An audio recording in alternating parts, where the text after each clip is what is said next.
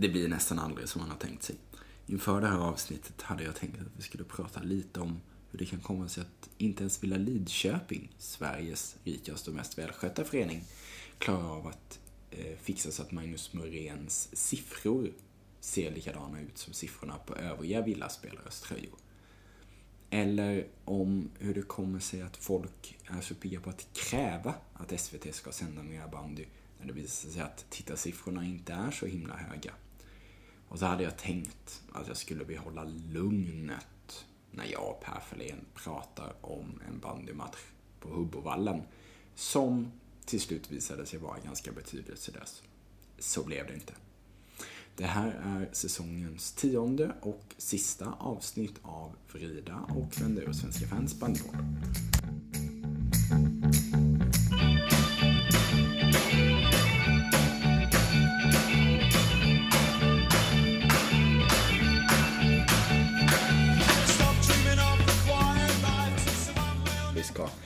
Eh, summera lite av varje. Vi ska summera finalen, vi ska summera säsongen, vi ska summera lite Hammarby-kaos. Vi ska framförallt ringa upp en väldig massa människor. Och sen så är vi liksom tillbaka där allting började med David Björk och Per Fahlén. Och vi kanske gör så att vi, vi vänder oss först till Per Fahlén som liksom jag fanns på Tele2 Arena som en neutral åskådare och kunde njuta av vad jag tycker är en bra bandyfinal. Tycker du också att det var en bra bandyfinal, Per? Jag tycker att det var en eh, rätt så kul match. Eh, helt neutral vet jag väl inte om jag var eftersom Just. det är ju roligare med ett lag som vinner sitt första SM-guld än ett lag som vinner sitt tjugonde. Eh, Så säger man kanske när man håller på Tillberga också. Ja, det, det, det, spelar vi kanske in i... så säger man för att det är så. för att det är så. För att det är så. Ja, nej, men för att det känns lite som att eh, TV och Villa har ju lika många SM-guld och det känns i ärlighetens namn som att det borde ta slut någon gång snart i alla fall. Jag tror inte att Tillberg är de som vinner guldet först. Eh, nej, men eh, matchen var kul. Eh, det som fastnade mest på näthinnan var väl när Bergvall motar ut segerrusiga VSK innan matchen är slut för att de inte kan hålla sig ifrån att rusa in på isen. Samtidigt som Villa kommer i anfall. Det, ja. ja. Det var en festlig situation för att man undrade liksom, var det någon där som fick för sig att matchen var slut? Liksom kom det någon signal? För det var ju i sådana fall då eh, andra gången under matchen det kom en konstig signal. För när Jonas Nilsson där i första halvlek vinner boll och liksom kommer i jättebra kontring så är det som att han stannar upp. Och jag tror att han stannar upp för att han hör en signal. För jag hör också en signal. Och han stannar upp och så tittar han sig omkring. Och så var det ingen signal utan han bara kunde fortsätta, mm. fortsätta köra. Jag tycker ju som sagt också att det var en bra final och jag tycker väl att Västerås på något sätt eh, vann rättvist för att de var det bättre laget under större delen av matchen. Säg att de var det bättre laget i 70 minuter kanske, som jag upplevde det där på plats. Men under de här 20 minuterna då Villa var bättre, det var ju väldigt, väldigt nära att det räckte för att, för att vinna. För det var ju, liksom, som alla har pratat om, det här läget som Daniel Andersson har och på den efterföljande returen. 3-2 till Villa där och jag tror att de att de tar hem det och istället så är det en, en hörna som sitter och så är det 3-2 till VSK och, och där avgörs matchen. Vad, vad kände du? Ja, alltså det, det, känns ju lite som ehm, nu minns jag tyvärr inte vem var som sa det i VSK-lägret innan matchen på frågan vad talar för er? Ja, det är ju att vi vet inte hur man sjabblar bort en sån här situation i princip. Och det är väl så. VSK, de, de vet inte hur man torskar ett sånt här läge. De är det är för mycket vinnare i den eh, klubben och det, de, de vet inte hur man gör. Samtidigt som Villa vet väl inte hur man vinner då antar jag. För att hade de vetat det, då hade de kanske gjort det också för att vi 2-2 där, då... Ja, de hade det ju så bara lite mer, men det... Nej, det ville sig inte. Nej. Varför ville det sig inte, David Björk? Uh, ja, uh, Ja, för det första ska jag säga att jag base- baserar ingenting jag säger nu på vad jag upplevde på plats under matchen. Utan det jag, det jag baserar mina eh, uttalanden på det är, det är de jag har efter att ha sett matchen i efterhand på SVT Play. Vad upplevde du på plats då egentligen? var upp, ångest upplevde jag på plats. Ja. Det var, det var 90 jobbigt. minuter var 90 minuter ångest var det. Ja. Eller 97 eller vad det nu Ja, precis. Ja. Exakt. Men jag, efter att ha sett matchen i efterhand så, så håller jag inte riktigt med om att VSK var bättre i 70 minuter. Jag tycker eh, att det är väldigt jämnt. Eh, och att det som avgör egentligen, om man, ska, om man ska bara plocka ut några detaljer som jag tycker är signifikanta, så är det ju Eh, I första halvlek så, eh, ganska tidigt i matchen, så slår Lars Fall en lyra till Daniel Andersson. Eh, som är eh, relativt fri och plockar ner bollen eh, och skjuter på halvvolley men får fullständig snedträff så den sitter i utsidan av målburen i gaven. En stund senare så slår Muren en flipp till David Karlsson, som, en liknande nedtagning. Han sjabblar med bollen Slår och slår hål i luften. Okaraktäristiskt. Ja, för mycket. Karlsson. Exakt. Och där är väl exempel på två nyckelspelare i Villa som inte riktigt levererade när det krävdes. Och eh, å andra sidan då i 70 och 50 minuten när Daniel Andersson kommer fri eh, så gör Bergvall först en idioträddning och sen en helt omöjlig idioträddning på returen när Jesper Eriksson får eh, kalasträff från tre meters avstånd. Mm. Eh, vi pratar om en 42-årig gubbe som har reflexer som en 16-årig tjej. Mm. Eh, Vad är det han gör? Alltså det var ju... Det, alltså det, i stora delar, i stora delar var ju Bergvall skillnaden. Liksom. ja, eh, men ja, men alltså, inte, jag tycker inte Bergvall var, var bättre eh, matchen igenom på, än vad han har varit i några andra matcher jag har sett. Men det är liksom, just den räddningen blir ju, den blir väldigt avgörande. Eh, och ja, där är, där är skillnaden. Eh, VSKs nyckelspelare levererade när det krävdes och det gjorde inte Villas. Nej. Och också man vill vara som två fasta situationer sitter för VSK. Exakt. Ja. Och det är väl sån där, för att jag, jag köper det vill säga att de där två lägena för Villa, ja, sitter de så är det en annan match. Men min känsla, och då har jag ju inte sett matchen noggrant i efterhand, men var ändå att ja, Villa stack upp med dem där, men det var ändå liksom, det var VSK som på något sätt kom i våg efter våg på något, på något annat sätt, eh, på ett annat sätt än vad Villa klarade av att göra och det var därför som det kändes efter första halvlek som att det här, här är VSK mycket bättre och sen så fick de 2-0 och, och sen så efter, ja, efter 3-2 målet då är det ju en, en, annan, en annan match. Mm. Jag tänker på det är intressant det du säger att eh, när du eh, eh, formulerar dig på det sättet att sitter de så är det en annan match. För jag skulle vilja säga en annan match sitter de. Ja, just det. Vilken annan match som helst så sitter de. Ja, kanske.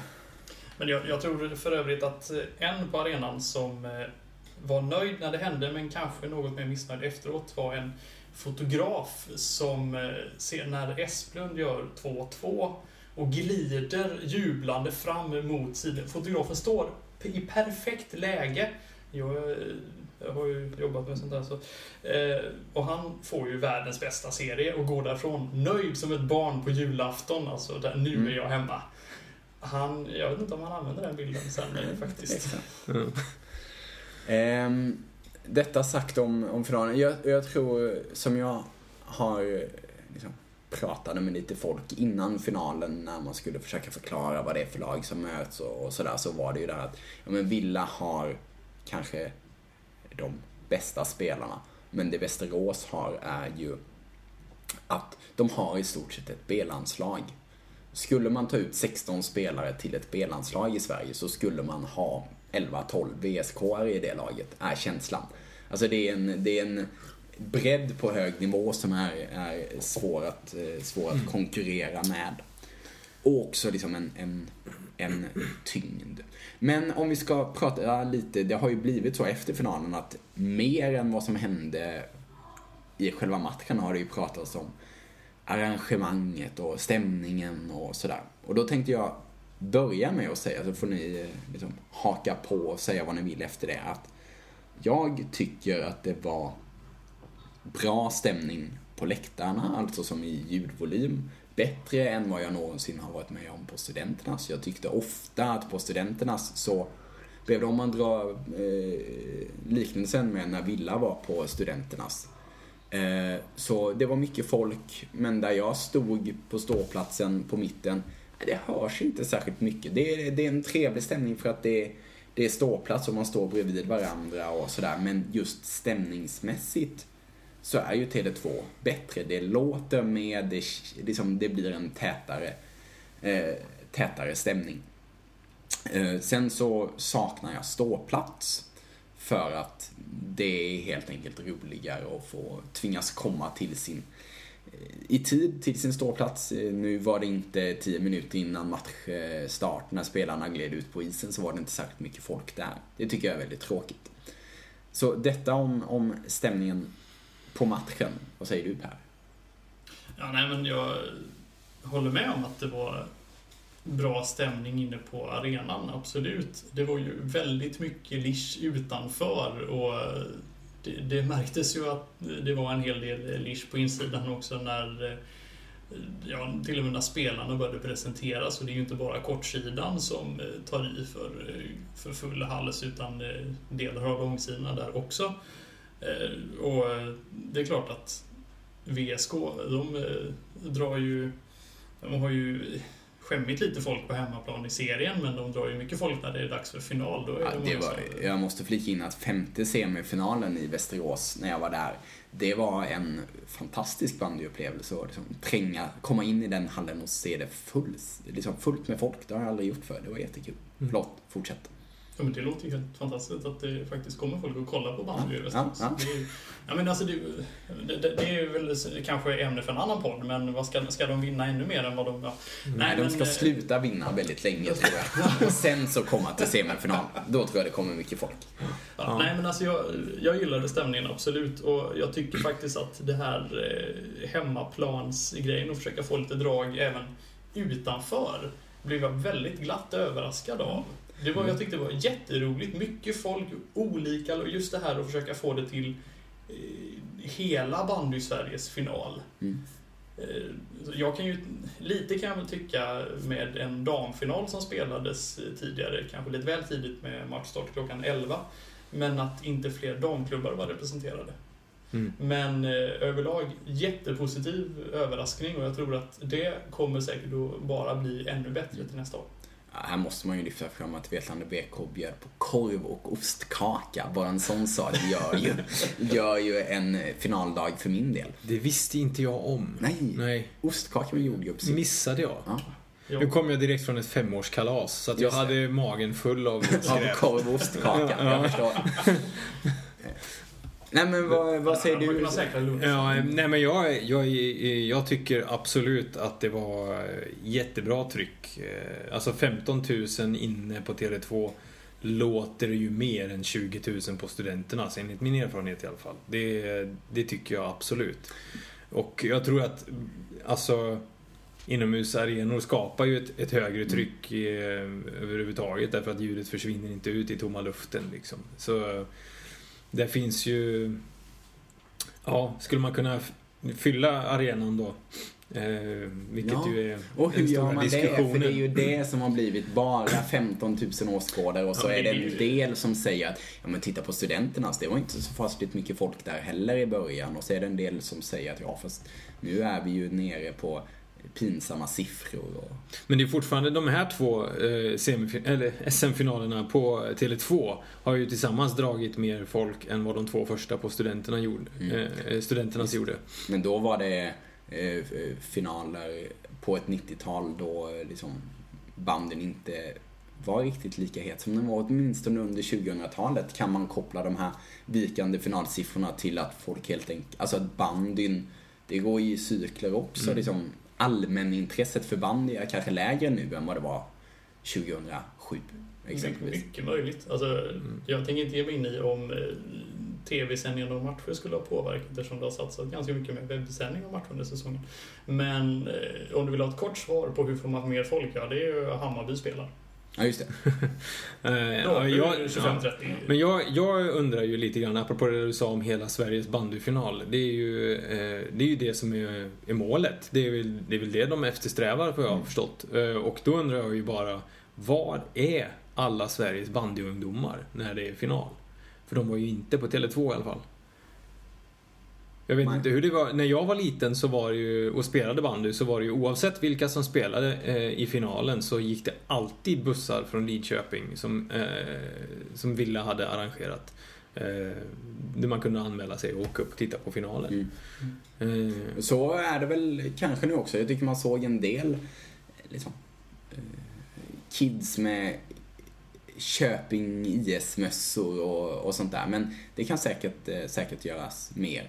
En sak som jag tror är svår att komma ifrån är att eh, i Stockholm på Tele2 Arena, om man är ute efter en upplevelse så kan du ju om bara några veckor, minst en gång i veckan, gå och se allsvenska fotbollsmatcher för lite mindre pengar och få ännu bättre stämning. ja, fast inte i mitten på mars. Inte i mitten på mars. Men jag tror ändå att det är lite, det är lite svårt att särskilja bandyfinalen från andra evenemang. Om det sen är innebandyfinal eller allsvenska svenska matcher. Och det tror jag var enklare på studenternas. Absolut, eh, det tror jag också. Ehm, sen så är det ju det stora eh, problemet för bandyn nu tror inte jag egentligen har att göra med att det var, alltså, eh, att det var bättre 2007 utan jag tror ju att eh, sporten befinner sig i en identitetskris eh, i och med att det håller på att bli en inomhussport. Ja, mm. Och folk kan inte riktigt bestämma sig nu. Men vänta nu, vi har en jättebra final som alltid spelats ute. Ja. Men alla lag vill flytta in. Eh, vi måste inte förnya allting. Vi kan hå- hålla kvar det här gamla. Och, och Alexander Majborn skrev i sitt brev, eh, öppna brev där på Bandypuls, att eh, han kan ta en eh, snömatch alla 2010 eh, Ja. om han får 20 bra finaler. Och då säger jag, är du inte riktigt klok i huvudet? Säger jag då. Jag vill inte se en enda bandymatch till som spelas i sånt väder. Framförallt inte en final. Och en annan sak eh, som väldigt få tycks eh, tänka på när det gäller studan är att den faktiskt ska byggas om.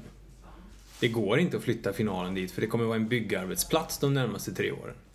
Mm.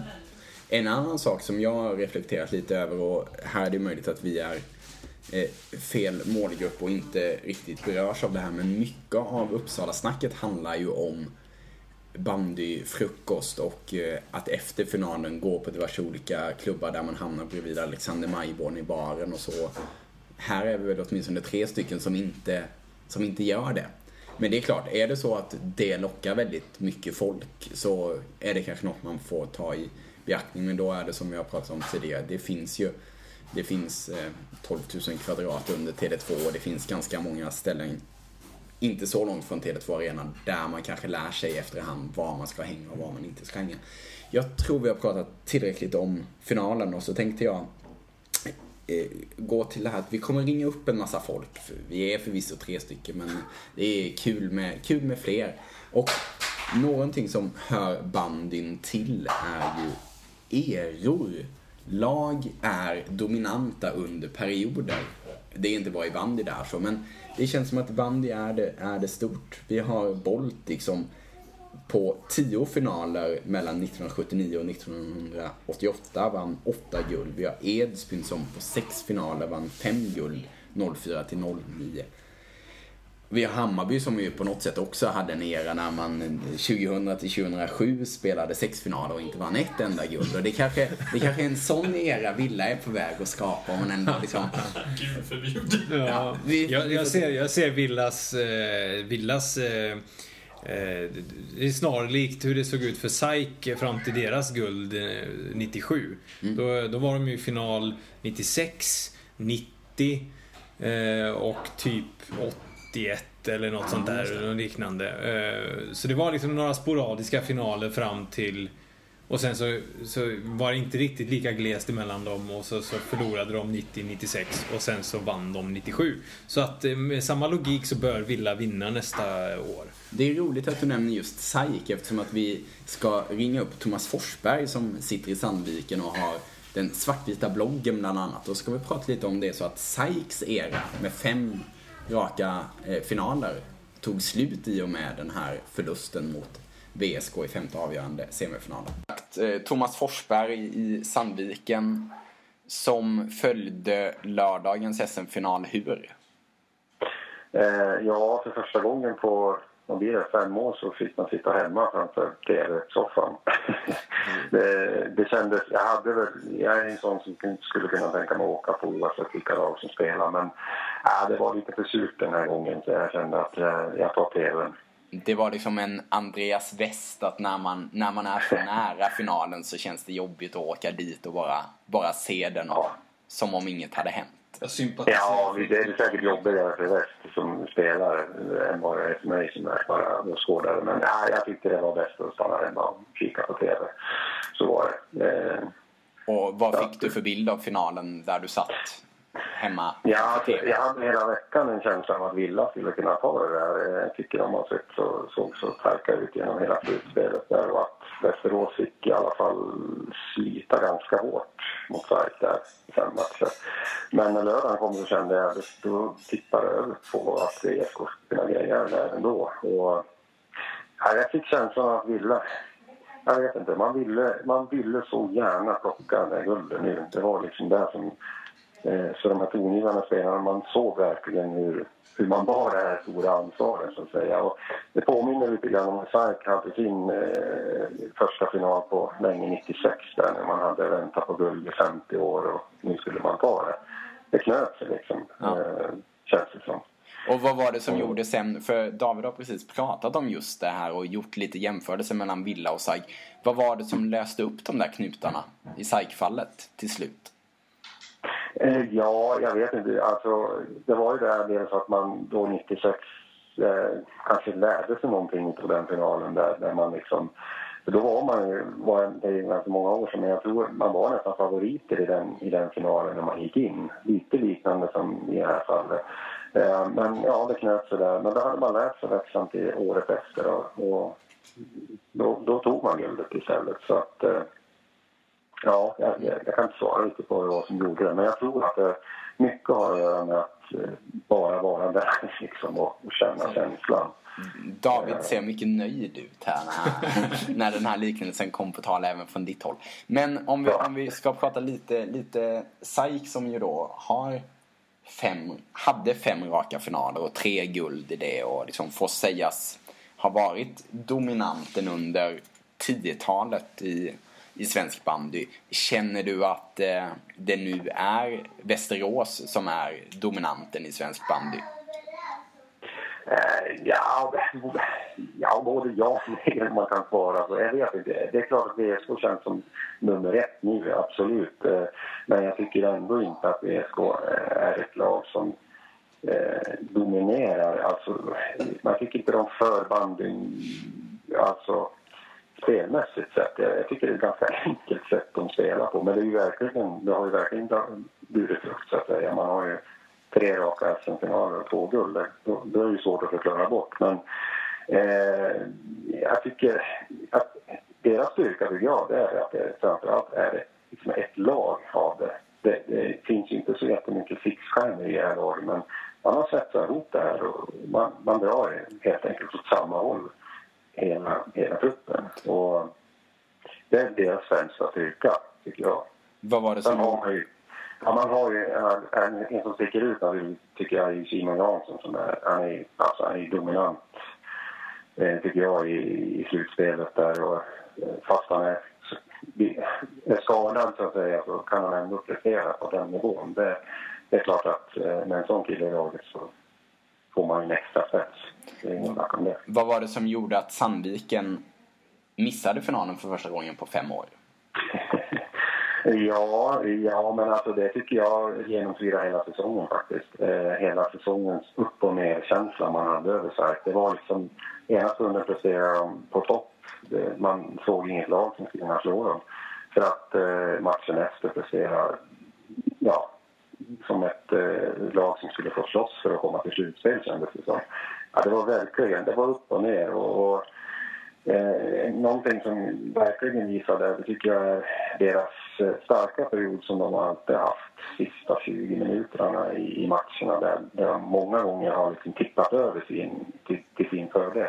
Där var de inte som starkast i år. Och det, ja, det, Eh, det tycker jag är en, en del i det, så att säga. Eh, sen om det beror på att de inte har varit ja, fullt hundraprocentigt tränad för den här uppgiften. Det det jag kommer det väl bli ändring på när de får Sigin Fredin som tränare, är jag rädd. Ja, jag förstår det. Jag läste precis där. Det var ju klart nu och där har, jag har haft känslan att det var de två ganska länge att det skulle bli det.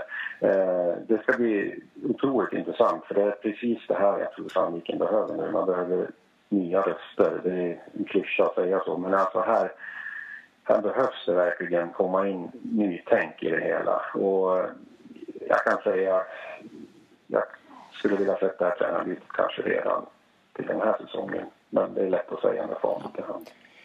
Vi tackar eh, Thomas Forsberg så mycket och tänker att med Brodén och Sigge mot Tele2 kanske?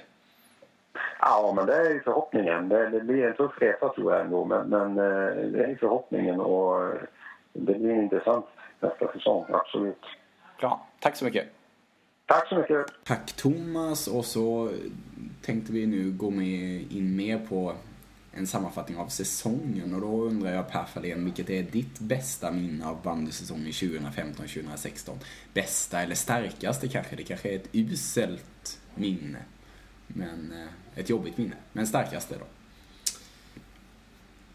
Daniel Engström Stensson, behöver du ställa den frågan egentligen, tycker du?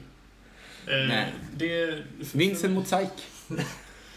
Okej, okay, för då är det väl två då egentligen. Men alltså det, det som gjorde mest intryck på mig, det var ju ändå eh, att stå på läktare gjorda av lastpallar ute i Tillberga på min födelsedag och se, och se mitt lag vinna mot ett lag i gult med fruktansvärt dålig inställning. Mm.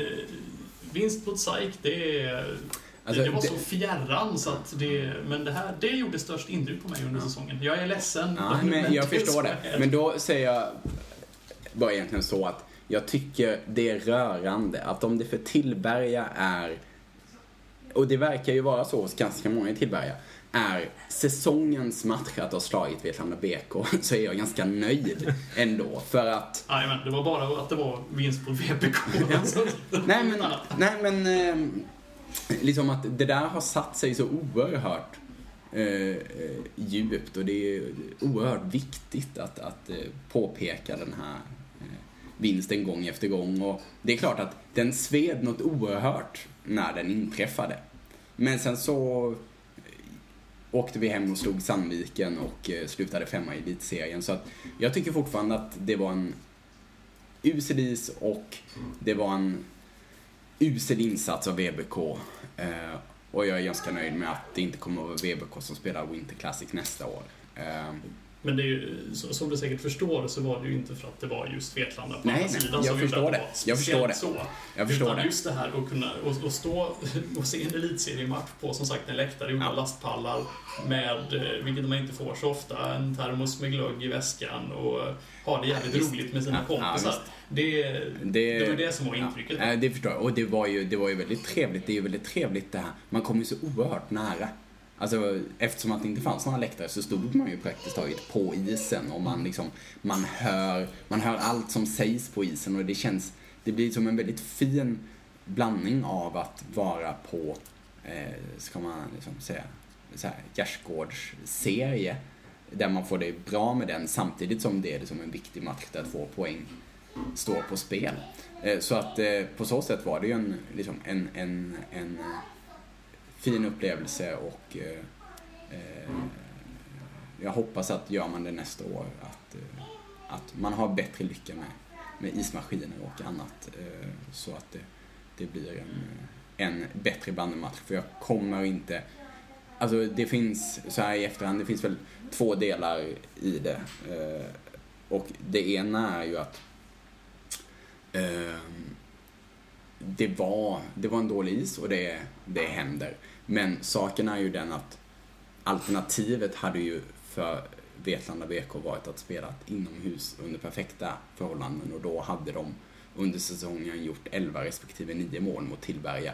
Och nu i en match som betyder väldigt, väldigt mycket så åker man ut och spelade på en, på en match på en is som var betydligt sämre och jag har fortfarande inte fått något riktigt svar på min fråga. Hade Tillberga spelat en avgörande kvalmatch mot Ljusdal på samma is?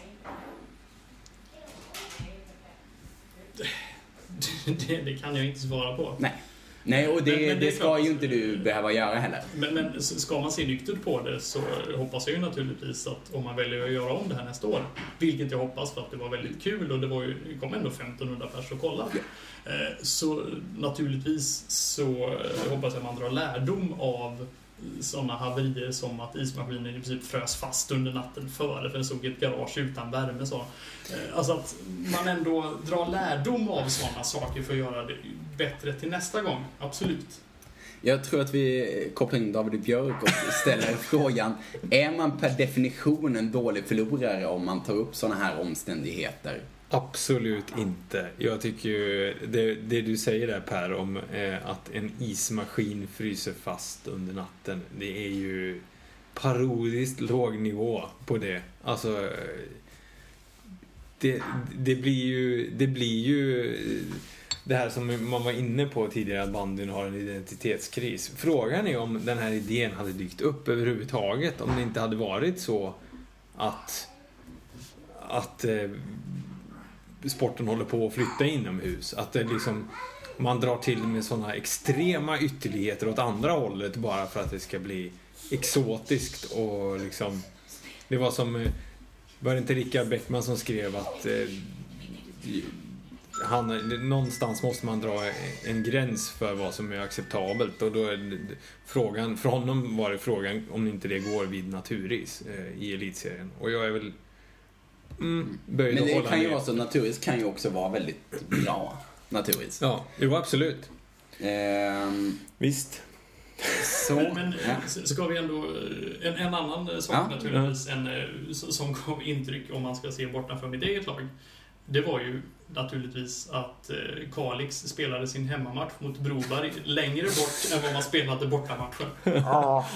Det var ju eh, parodiskt på ett helt annat sätt. ja, Ja, verkligen. verkligen. Ja, Ja. Mm. stackars Kalix. Men oerhört stort av Broberg att ställa upp med vad jag väl förstod eh, folk runt matchen. Ja, ja. Och skänka en slant till Kalix och att Ja. folk också köper, in, köper biljetter Jaha. som Ja. inte ens går. Och Ja, Ja. Det, det är ju... Där fick man se bandy-Sverige ändå på ett sätt. I, Ja. i, I och med den matchen så, så kan man säga att jag då eh, betalade eh, för en hel hemmasäsong utan att se en enda match. Eftersom att jag, min vana trogen så köpte jag ett säsongskort på Sapa Arena. Eh, och i normala fall så brukar jag ändå komma och se tre, fyra matcher där nere. Men i år så stämde ingenting så jag såg en hemmamatch på det säsongskortet. Och sen så betalade jag då för eh, för Kalix mot eh, Broberg och den såg jag ju inte heller. Så att, tre, 13 matcher utan att se en enda har jag betalat för den här säsongen. Sen har jag betalat för att se en hel del också. Vad är David? Mitt minne. Ja. Ja, nej men eh, jag måste ju, jag måste ju då, eh, eh, med tanke på att vi sitter här hemma hos dig Daniel, så, så drar jag ju mig till minnes senast jag satt här hemma hos dig och såg Villa vända 04 till vad som sedermera blev 6-6 då, då. Men ändå, de vände mot Sandviken hemma och jag minns att din din fru kom in och pratade med mig och skulle vara lite social just när Sandviken hade gjort 4-0. Och eh, jag vet att jag i efterhand hade lite ågren över det för jag kände inte att jag presenterade mitt bästa humör direkt. Men, men eh, ja, sen... eh, Det var en bra match. Ja, det var en mycket bra match. Kanske den bästa matchen jag har sett i år faktiskt. Du sitter ändå här igen, så att helt Ja. så utanför kan du inte ha varit. Eh, jag tror, som ni märker så är det ju ändå liksom att den där Hubbovallen-matchen kommer jag ju alltid minnas från den här säsongen. Det är ju bara så för att den känslan att åka därifrån och då liksom alla de farhågor som jag hade besannades. Plus att VBK var så omåttligt usla Och de fick för sig att bara kasta långt och Robin Folkesson på topp. Och ja, det var så mycket som var dåligt och så ser man framför sig hur där rök slutspelschansen. Och med det försvinner Johan Löfstedt och Joakim Andersson och sen så är det en säsong nästa år då kanske kvalspel. Och sen så är det två år till och sen så är det nedflyttning och klubbens existens är borta. Det var det jag såg framför mig när jag åkte hem från Västerås, eh, eller från Tillberga. Jag vet inte, är Tillberga ett Västeråslag eller är det ett Tillbergalag? Det är ju Västerås kommun. Ja, just det. Så ja. ja. Mm. Med lite god vilja. Med lite god vilja så är det Västeråslag. Men sen har jag ett annat minne som, nu har jag liksom ändå varit inne på, ja, ändå, liksom, man ser ändå att jag är en dålig förlorare. Liksom. Det, det, går inte att komma ifrån. Jag hade, men, jag hade varit en lika dålig förlorare. Ja, men det, man är lite inne på hur man hanterar motgångar och ett av de bästa bandyminnena den här säsongen är ju när Rickard Bäckman, kort efter att Sverige har förlorat mot Finland, eh, får ge sin syn på eh, domarinsatsen och mycket och en del annat. Så här lät det. Ja, som puls jag nu. Det här är det, ja, det, jag måste svära, det är fan i mig det sjukaste jag har sett på en, på en idrottsarena. Eh, visst, Sverige kommer inte på nivå. Sverige gör en dålig match. Men alltså den här domarinsatsen, den var bara så fruktansvärd. Alltså det jag lovar att det är... Nej, ja. Varför då? Nej men allt! Det är hela... Alltså... Ja, alltså jag har sett att spelarna har reagerat starkt på Nej, men alltså, det. sitter ju en dålig vinkel, men fyra hörnor har de reagerat starkt nej, på. Alltså, vad, vad, säger du? Nej men så här, man, man eh, garvar åt den här sporten för att Sverige vann med 28-3 eller vad det var mot, i kvartsfinalen. Liksom. Men man garvar åt resultat. Det är kanske det här man ska liksom, bli korrumperad. Korrupt alltså? Ja, men alltså. Här är det sjukaste jag sett. Rickard Bäckman på Bandypuls. Vi har precis lyssnat eh, på hur du lät eh, ja, minuterna efter att Finland har slagit ut eh, Sverige i, i VM-semifinalen. Ehm, ja. Och det är ju, som jag sa, ett av mina starkaste minnen från den här bandysäsongen. Du är ju det går nästan att likna det vid Peter Forsberg efter femte, femte hockeyfinalen 94. Vad, liksom, vad var det som gick genom ditt huvud när du, när du eh, kommenterar vad du har sett på isen? Nej, men jag kan bara bekräfta det du säger. Jag har kollat på det där klippet. Det tog några veckor efter att jag kom hem. Eh, så tittade jag på det där och det är bara... Det är ju jättesvarta ögon. Liksom. Det kan ju alla se. Det som går i mitt huvud, det, det är så här att jag... Eh, jag och min kollega Miljonen, eh, Kristoffer Miljon, är ju på VM Ryssland tillsammans. Och jag har ett fotouppdrag där. Och det vill säga att jag står, jag står väldigt nära och ser saker i matcherna. Eh, och det är faktiskt så att jag, jag ser alldeles för mycket saker i den där matchen som är konstiga. Liksom. Eh, eller, jag ser ett Finland som är fruktansvärt bra och sätter sin matchplan och så ser jag ett energilöst Sverige som gör en fruktansvärt dålig match. Men eh, det händer så många konstiga saker ute på isen. Och det finns en gammal regel som säger att man, om, man, om det är liksom en eller två bandyspelare på, som gnäller och åker runt och har dålig energi på en is, då bör man inte eh, bekymra sig så mycket. Men när det är alldeles för många som reagerar alldeles för starkt, då måste man, då måste man förstå att det är någonting som är konstigt. Liksom. Mm. Så kan jag säga. Ja. Nej, för det, och, och det var ju, när, när min man... reaktion är att, att liksom, Eh, jag har naturligtvis fått ganska mycket skit för det där, för det där klippet. Liksom. Mm. Eh, men eh, jag är så idrottsligt besviken eh, när jag går upp till det där pressrummet och ska spela in den där filmen. Jag är inte besviken över att Sverige har förlorat, så, så funkar det inte. Utan jag, är så, jag är så ledsen över det jag får se. Liksom. Så är det. Mm. För, för det, det är väl...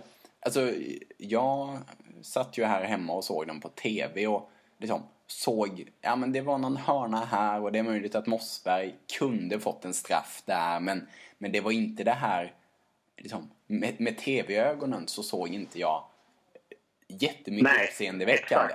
Exakt, exakt, nej. Och det hade förmodligen inte jag sett om jag hade så att säga varit längre ifrån matchen. Men när jag står där nere och ser det så, så blir det så påtagligt. Om du har sett två, tre konstiga situationer så, så ser jag 15 stycken under matchen. Liksom.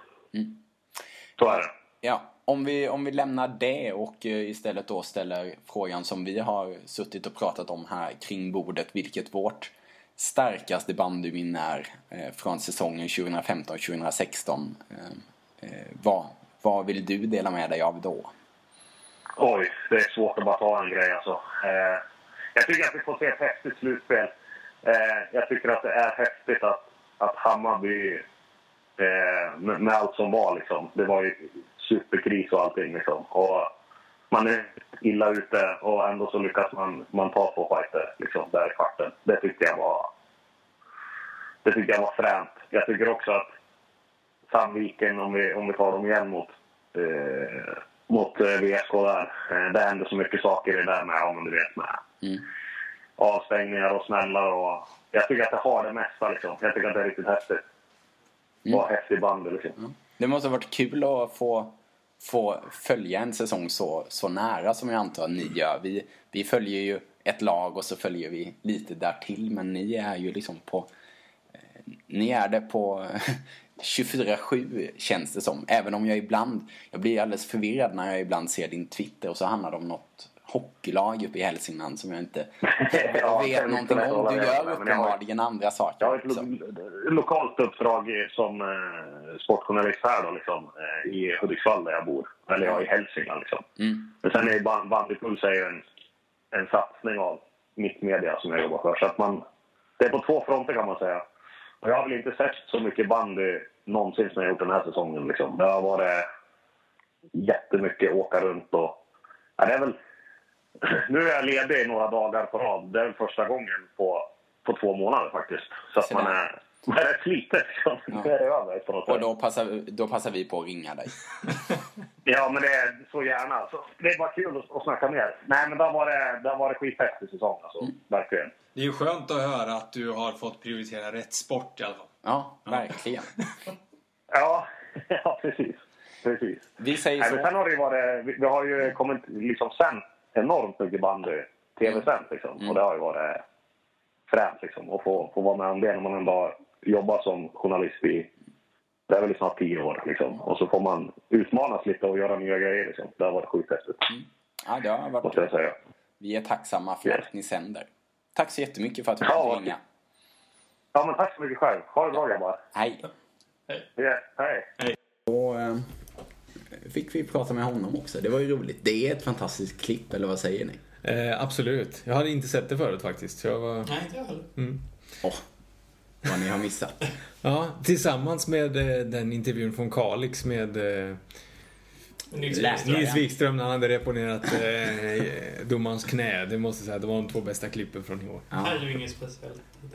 Det, jag, såg förresten, eh, på tal om Nils Wikström, en liten avstickare, så fick jag på Twitter dagens ros för att jag i bandyportföljen lyckats klämma ur en hel sida intervju med nämnda läkare bandyspelare.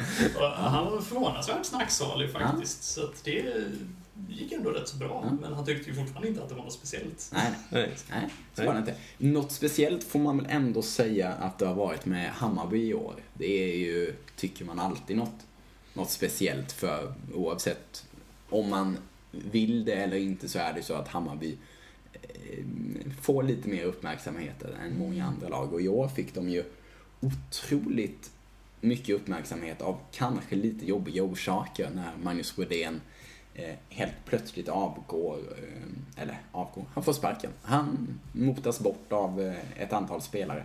Och eftersom att ingen av oss vet sådär jättemycket om Hammarby så tänkte vi att vi ringer upp Fredrik Wiberg istället så får han berätta vad han har att säga om detta. Det var en ganska turbulent Hammarby-säsong, inte minst där i januari när Magnus Brodén, för de utomstående i alla fall, ganska hastigt fick lämna Hammarby och sen har det varit ganska mycket rabalder kring Hammarby. Vad, vad har dina intryck av allt det som har hänt varit? Eller din, vad är din bild av vad som hände? Men intrycken är väl många och eh, det som hände där i januari har ju inte gått obemärkt förbi. Det känns ju som att såren inte är läkta heller. Och det blev ju en liten uppryckning där Ehm, när Exet och Östling kom in. När vi till exempel lyckades mot alla odds fixa fem matcher mot Sark. Men eh, överlag så har ju spelet och det gamla klassiska i Hammarby har inte gått att känna igen egentligen sen vi startade säsongen borta i Västerås i oktober. Så att, eh, nej, jag är ganska besviken om man ska sammanfatta säsongen så. Mm. Ja, för det var ju så att Eh, nu, nu uppmärksammades det en del att det inte gick så bra för Hammarby efter att Brodén gick. Men det gick ju inte så bra för dem innan Brodén lämnade heller, egentligen. Eh, så att känslan har väl varit att det har varit ett, eh, ett ovanligt svagt Hammarby i år. Ja, det får man ju säga. Tittar man på truppen så ska ju inte säsongen egentligen ha varit ett mellanår. Så det är många bra spelare. Wille kom in. Och eh, nej, jag förstår faktiskt inte varför man inte fick det att klaffa bättre än, bättre än vad det gick. Men är det så att det har varit stridigheter i truppen som det bevisligen har varit och, och alla inte drar åt samma håll, då blir det svårt att vinna matcher. Framförallt när elitserien blir jämnare för varje säsong. Mm. Vad, vad är din känsla nu för Hammarby? När man ser på det utifrån så ser det ju ganska dystert ut med det är många nyckelpositioner som saknas. Det är uppenbarligen så att det finns fortfarande spelare som inte, inte riktigt har glömt vad som har hänt. Eh, vågar du vara förhoppningsfull inför nästa säsong? Eller kanske inför silly season först och främst? Ja, det är långt kvar till oktober, det är långt kvar till sommaren och det kommer lämna spelare. Sen får man ju hoppas att det kommer in spelare för det är där det måste till för att truppen i dagsläget ser ganska tunn ut. Och de tapp vi har fått på mittfältet i Ulf Einarsson och Johan Willes och sen exet säsongen innan där blir väldigt svårt att ersätta. Så att, eh, nej jag vet inte riktigt. Jag är glad att jag inte ska behöva ta några beslut i alla fall. Vilka värvningar jag ska göra och eh, ja, få spelare att stanna. För det är väl lite det vi ställs inför nu också efter det som har hänt. Vilka spelare vill vara med på att satsa och under vilka villkor vill de fortsätta i Hammarby? Det, det är inte bara kontrakt som ska skrivas utan det är liksom... Man måste försöka få en bra... Ja, spelarna måste få en bra bild och få, få en bra idé kring varför de ska fortsätta med Hammarby. Mm. Eh, om vi tänker allmänt eh, säsongen som var, vilka vilket eller vilka är dina starkaste minnen från säsongen? Förutom kanske det här då med Brodén och allt som hände där kring. Ja, men det, det finns väl eh, lite roliga, roliga minnen från säsongen. Dels Tillbergas seger mot Sandviken var ju imponerande. Eh, Vetrandas säsong. Eh, även om slutspelet kanske inte gick så bra. Och, eh, nej, men sen att Hammarby att vi slog Villa både borta och hemma. Vi fixade en seger mot Sandviken när det gällde som mest och vann sedan på Finken. Så det är klart att det går att hämta fina minnen från säsongen men ja, överlag som Hammarbyare är man ju besviken. Så det är, ja, det är semifinal som minsta mål. Och eh, nu blev det inte så i år. Så att, eh, ja, då får vi, vi får samla oss och komma igen till nästa säsong. Ja. Det är inte mycket annat att göra. Tack så mycket för att vi fick ringa. Det var eh, Fredrik Wiberg om Hammarby, eh, någonting som många följde på, på nära håll. Något som många av våra lyssnare inte följde på riktigt lika nära håll var väl när det svenska damlandslaget var i USA, eh, Minneapolis, och vann eh, ett VM-guld efter en finalseger mot Ryssland med 1-0 i finalen. Jag tänkte att vi gör så att vi ringer Frida Erlandsson som ju var gäst i ett tidigare avsnitt här och kollar med henne hur det var där borta egentligen och kanske också prata någonting om finalen, SM-finalen som hon ju spelade i helgen också. Frida Erlandsson som ju var gäst här för några veckor sedan i podden. Då skulle ni precis iväg och spela VM i USA och det blev ju en, en lyckad resa och ni kom hem med ett VM-guld. Eh, hur var det där borta? Ja, ja precis. Eh, nej, men eh, vi är jättenöjda med den resan. Både eh, resan i sig, bra fixat. Eh, det är en liten organisation som anordnar den där borta då, så att eh, de, hade, de gjorde allt utifrån sina förutsättningar. Och sen Eh, och sen laget generellt. Eh, jag tror det var länge sedan ett svenskt landslag, i alla fall på damsidan, var så sammansvetsade och kändes verkligen som ett lag. Eh, det är ju, eh, ja, vi är egentligen från två stora klubbar och sen är det två, två från Sandviken och en från Söråker. Så att, eh, jag tyckte vi fick ihop laget väldigt bra. Mm. Hur, hur, var det att spela de här? Det var ju väldigt tätt matchande. Ni spelade ju två matcher om dagen. Eh, mm. Hela helgen där. Hur, eh. hur funkade det? Eh, jo, men det funkade. Alltså, man, vi var ju mentalt inställda på det. Vi har liksom varit medvetna om att det kommer att vara så nästan ett två års tid. Så teori och sånt har ju liksom pratat om att det är tajta matcher och återhämtning och så. Eh, sen kan jag säga att när man väl kom hem så kände man ju av att man hade spelat alla de åtta matcherna. Eh, det tog lite längre tid och sen med tidsomställning att ställa sig tillbaka liksom i, i att träna och hemma igen. Men, mm. eh, men jag tyckte annars alla löste det väldigt bra borta. Mm. Finalen 1-0, inte det vanligaste bandyresultatet. Mm. Nej, verkligen inte. Ja, riktigt konstig match. Straff dessutom. Mm. Ja, det, det gjordes på straff också. Så att, äh.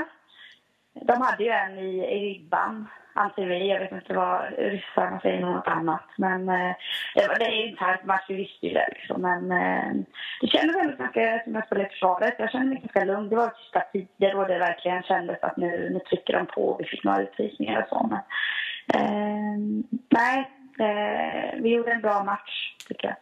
Mm. Och sen så i lördags så var ju du på Tele2 och spelade final. Mm, som du säger, många, många landslagsspelare från AIK, från Kareby och ja, om ni gjorde en bra om du tycker att du var med och gjorde en bra VM-final så kanske du inte är riktigt lika nöjd med SM-finalen. Nej, nej men så är det väl. Eh, det var väl inte det var, det blev väl inte som vi riktigt hade planerat. Vi, vi hade haft en match och vinnande den striden och vi kände att vi hade, skulle ha möjlighet till att göra det. Jag tycker vi har varit så pass bra över säsongen men eh, jag tycker inte riktigt vi kommer upp i standard och vi får liksom inte, vi får inte till det extra. Så vi hade åtta hörnor i första halvlek och jag tror att vi hade, ja, eh, nej vi hade inget mål där och så att de gjorde det bra och ja, och vi, vi fick inte riktigt med oss det vi skulle. Jag var ju där och tittade och jag tyckte att det, det såg liksom lite sekt ut på något vis. Min eh, mm. kära sambo som eh, håller på AIK hon sa det att de skulle ju behöva bli förbannade. Mm. Kort eh, analys. Ja, nej men... Eh, ja, jag förstår. Jag vet inte vad. Eh, det är så, och det, det är väl någonting vi får sätta oss ner och prata om i laget men som inte riktigt jag har, vi har kunnat liksom eh, reflektera över det. Liksom, man är fortfarande väldigt besviken över att det blev som det blev. Men känslan är också så att tiden gick så jäkla fort och man kunde ha gjort så mycket annorlunda och eh, som du säger, eh, det fanns inte den sista, den sista energin, det sista trycket kändes inte som vi hade. Eh, vilket är skitsynd när man har laddat och pratat om den här matchen hur länge som helst. Men det, måste ju vara hyfsat jobbigt att åka på den här straffen ganska tidigt i andra och så trean nästan precis efter. Men det kändes ändå som att ni ändå lyfte er på ett vis efter det. det var... Ja, så uppfattar jag. Men sen, sen kan man diskutera domar och mål hit och dit. Vi, vi tycker väl att bollen skulle... Han dömde bort ett mål där. Och, eh, vi kan tycka att, eh, att det hade varit roligt om han dömde mål där för vi tyckte att det var mål så kunde vi fått, och, fått en, en annan match. Men nu tappade vi lite energin där när vi fick det bortdömt också. Liksom, så att, eh, ja. Mm.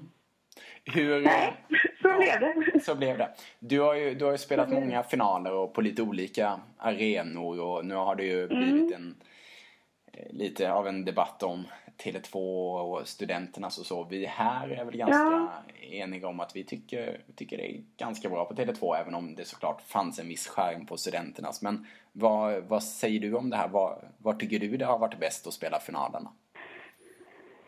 Nej, men alltså det finns ju olika aspekter över det. Eh, jag tror att låter vi Tele2 eller Stockholm få, få tid på sig så kommer det kunna bli bra. Men eh, jag tror att vi, vi blev lite, lite när, eh, när Hammarby gick till finalen på Friends så blev det en sån lycko, det var nytt och alla, så det blev så höga eh, siffror helt plötsligt. Och sen så är man lite besviken över att det inte alls blir samma siffror på Tele2 då, men eh, rent spelmässigt och var banden är på väg så är det ju inomhus vi ska spela. Det känns ju jättekonstigt om, om vi snart har alla elitserieklubbar eh, inomhus och sen ska vi gå ut och spela en final på, i Uppsala utomhus. Det blir liksom lite, det blir en annan sorts bandy. Men, men samtidigt så gjorde Uppsala ett fantastiskt jobb med att, eh, att verkligen hela staden växte. Och det är väl något vi måste jobba vidare med i Stockholm. För Stockholm är stort och många uppfattar inte ens att det är en bandyfinal.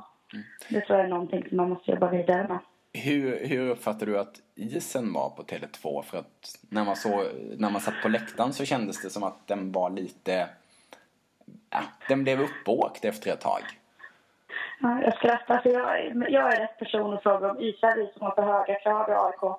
Ja, just det. Eh, ja, det var liksom ingenting som vi tänkte på överhuvudtaget. Vi kände lite på träningen dagen innan då att det var, men då förstod man fortfarande att det var i, i, liksom i ja, fortfarande i process om att göra klart liksom. Så att ja, det var ingenting vi uppfattade faktiskt överhuvudtaget. Sen, sen vet man inte hur herrarna uppfattade De fick ju spela efter oss också och då har det ändå varit två matcher innan dem. Så. Mm. Mm. Bra. Ja, ja. Tack så mycket för att jag fick ringa upp dig. Ja.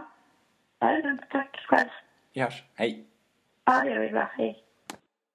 Så, då har vi hört eh, Frida Erlandsson prata lite om damfinalen och eh, du David skrattade lite när, eh, när eh, Frida nämnde det här om att eh, ja, det är ju rätt person att fråga mig, vi i AIK som knappt har någon is.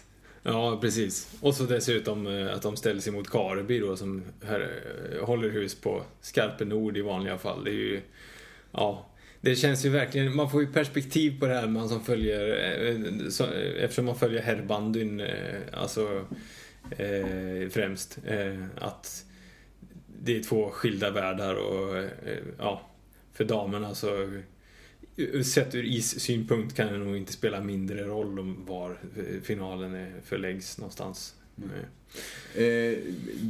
Du och jag David hade annat för oss klockan 11 på lördag förmiddag när det var final. Men du Per var som sagt där. Hur upplevde du stämningen och känslan kring den matchen? Ja, stämningsmässigt. Eh, jag råkade hamna bara några rader ifrån eh, AIKs klack. Fast de var väl inte så många. De var väl 6-7 stycken kanske, men de förde liv. Men Kareby eh, hade ju stor tillrest klack med trummor och eh, hela baletten. Man kunde tro att Sandviken var i stan. Um, nej men alltså det var, det var ändå kul så. Det var ju inte fruktansvärt mycket folk så sett. Men ändå. Eh, det var ju klart underhållning värt 50 spänn som det kostade. Mm. Och ja, ännu mer egentligen. Herrfinalbiljetten betalade vi 400 kronor mer för och jag är tveksam till att underhållningsvärdet var 400 kronor bättre. Faktiskt. Mm. Men det var... Eh, lite, alltså det, det kändes lite sekt på isen där, som sagt. Det, Linda Odén i AIK gjorde ju några fantastiska räddningar, men fick inte alltid så bra hjälp av sitt försvar. Eh, så att matchen kunde väl ha varit bättre egentligen, men stämningsmässigt tyckte jag faktiskt att det var helt okej. Okay. Det... Sen så är ju 11.00 en ganska dum tid att spela en SM-final, ja, Det känns lite pojkfotboll. Och... Ja, verkligen. Det var så här, okej, okay, vi kör finalerna samma dag, mm. men lite inbjuden med armbågen känns det ändå så. Men det är svårt. Alltså, det är, båda kan inte spela lördag klockan 13. Eller 15, eller 16, eller liksom. Nej, men 13 skulle de ju... 13 och 17 kanske. Ja, exakt. Ja, ja, det kanske skulle kunna funka. Mm. Ja, men jag, jag, jag var ju på juniorfinalen på fredagskvällen där och eh, slogs ju ändå av att i en sån jättearena, även när det bara är tusen personer, så går det faktiskt att skapa ganska bra stämning. Liksom. Det låter ju fortfarande. Mm. Och så. Ska vi lämna eh, dambandyn och ta oss tillbaka till herrarnas elitserie och prata lite om lagen och spelarna. Vad som överraskade positivt och negativt. David kan få börja. Positiva och negativa överraskningar säsongen 2015-2016. Ja, det kommer du gilla Daniel. Mm. Eftersom jag tycker att Vetlanda är säsongens stora positiva överraskning. Eh, och Martin Landström eh, i slutspelet var en, eh, en mycket trevlig bekantskap, ja. får jag säga. Eh, han eh, växte ju eh, större, mer än vad hela laget Vetlanda gjorde, det... som jag upplevde under de tre matcherna. Jag, jag har ju då haft förmånen att följa honom lite extra den här säsongen där jag under försäsongskuppen, som ju Tillberga vann, Safa Cup, Eh, eh, så gjorde jag en längre intervju med honom och fick den här känslan av att här sitter någon som kommer bli väldigt, väldigt bra. Och det är möjligt att jag är liksom lätt förförd av någon som, som pratar och är, verkar vara ungefär lika nördig när det gäller bandy som, som vi är. Eh, men där fick jag en känsla. Och sen så att i slutspelet så är det han som växer. Han är den, när övriga i, i Vetlanda gör en gör några ganska släta matcher så är det han som kliver upp mm. ett steg.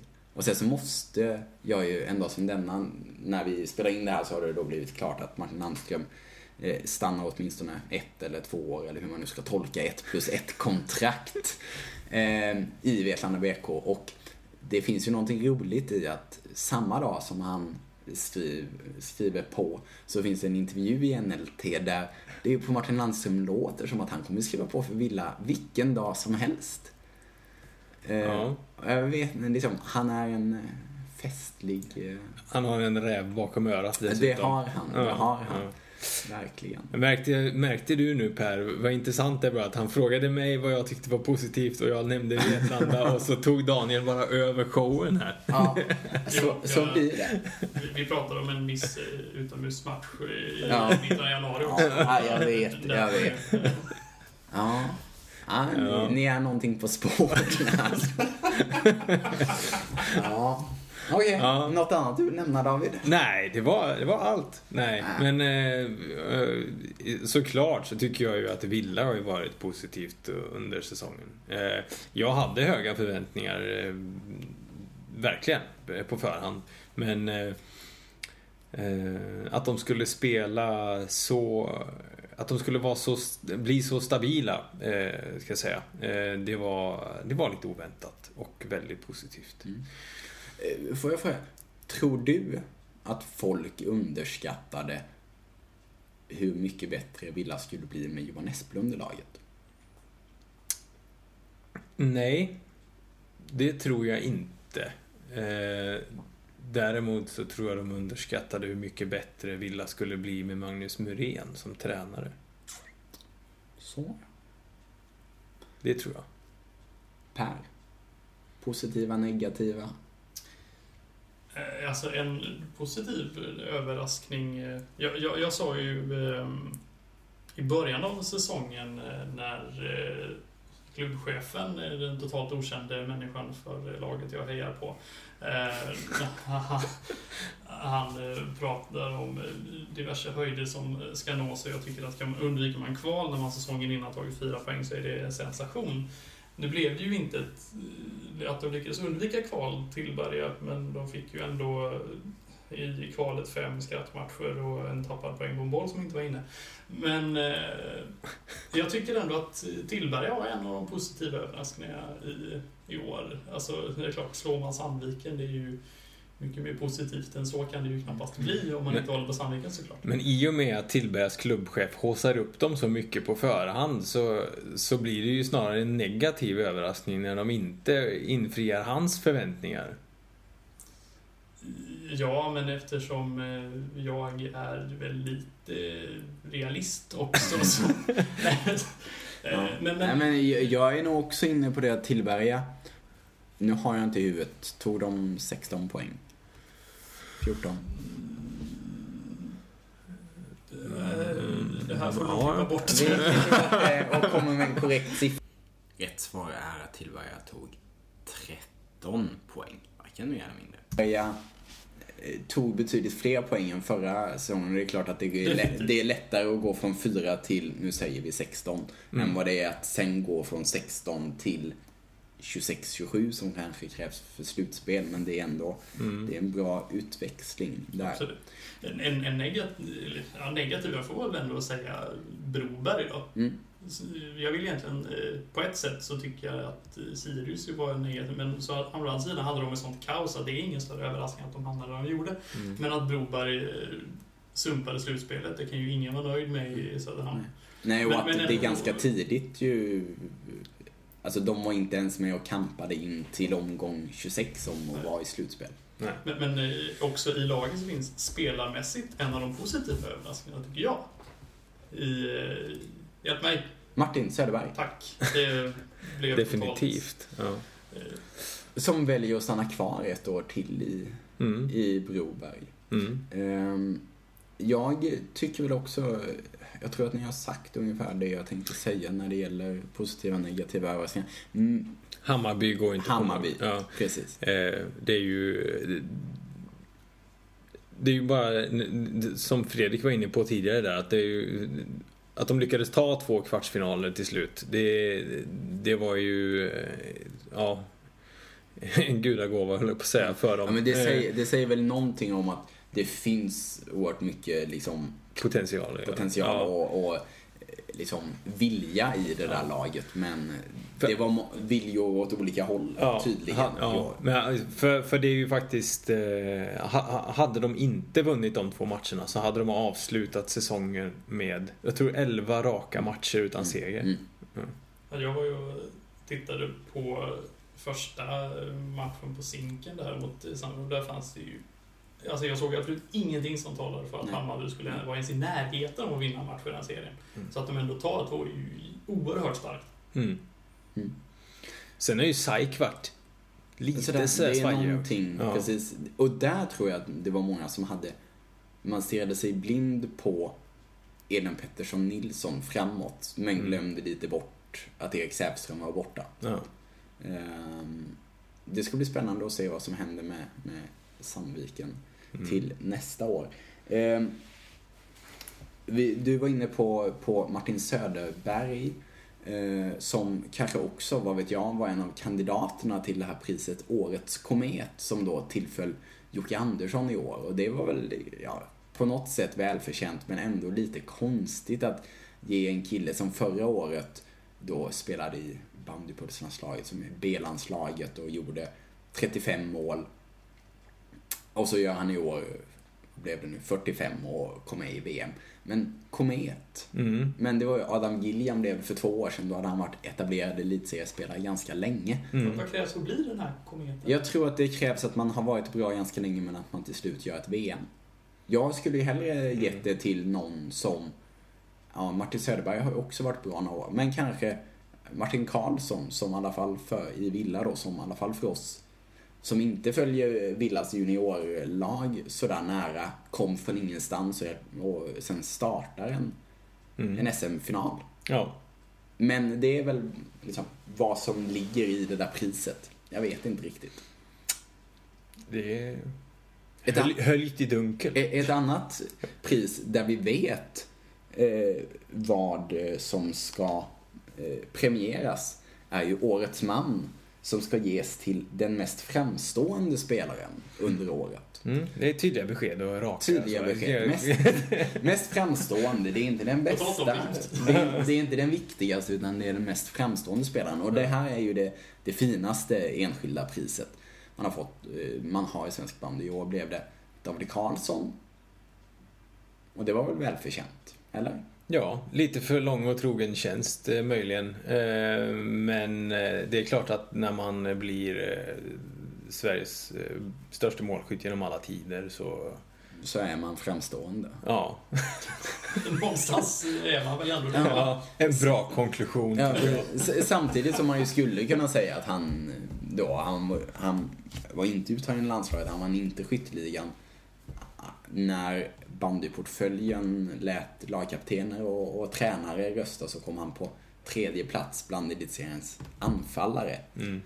Och jag, jag är också så här, ja, jag tycker också det var väl förtjänt på något sätt, för jag kan inte tydligt säga men vem, vem skulle fått det istället. Mm. Nej men det är ju precis det. Det är ju för att det, det är den, det, det enda som sticker ut under säsongen det är, det är att han slog målrekordet. Mm. Är, är det då kanske på något sätt symptomatiskt att det är det Västerås SK fu- fullt med B-landslagsspelare som vinner SM? Att det var inte riktigt individernas säsong kanske? Ja, det är väl en bra sammanfattning. På Kanske. det. Det var lagmaskinernas säsong. Det var lagmaskinernas säsong. Ja. Även om vissa lag får sägas vara ganska beroende av sina individer ändå, men kanske inte på årets man-nivå. Nu kommer vi, vi har varit inne på det och nämnt lite spelare som har eh, stannat kvar framförallt. Ehm, och det kommer säkert vara spelare som flyttar på sig framöver och vi kanske kommer med ett silly season avsnitt vad det lider. Men det här är ju den tiden på året då ganska många av oss får ett nästan sjukligt intresse för, ska vi säga, eh, unga mäns Flickvänner och deras, Flickvänner och- deras eh, levebröd. Ja, lite så. Och liksom man undrar, vem ska plugga och ja, vem är kompis med vem? Och så det här med flickvännerna. David. Ja. Martin Söderbergs flickvän. Vad gör hon egentligen? Ja, hon är PT har jag förstått. Hon är PT. Ja. Och det borde ju innebära att de kan ju flytta vart som helst. Ja, Och ändå väljer de att stanna i Söderhamn. det är helt obegripligt. Dessutom när jag vet att de mycket väl hade kunnat flytta till Lidköping. Ja, ja det är... Det finns goda möjligheter att utvecklas som PT i Lidköping. Ja. Ja, det här var alltså det tionde eh, och sista avsnitt av eh, Svenska fans bandypodd Vrida och vända ur. Och även om jag visade någon av mina sämre sidor kanske när vi pratade Winter Classic så måste man väl ändå notera i det här sammanhanget att här har helt plötsligt en BBK och en Vilait suttit och pratat 45 minuter, en timma. Vi har inte förlämpat varandra. Jag har inte hånat dig jättemycket för att ni förlorade finalen. Och jag har inte hånat dig för att ni förlorade kvartsfinalen. Nej, precis. Vi har inte beskyllt varandra för diverse olika saker. Så det är alltså möjligt för VBK och Villaiter att samtala. VBK och VBK. Ja, normalt. VL, BK. Tack och hej.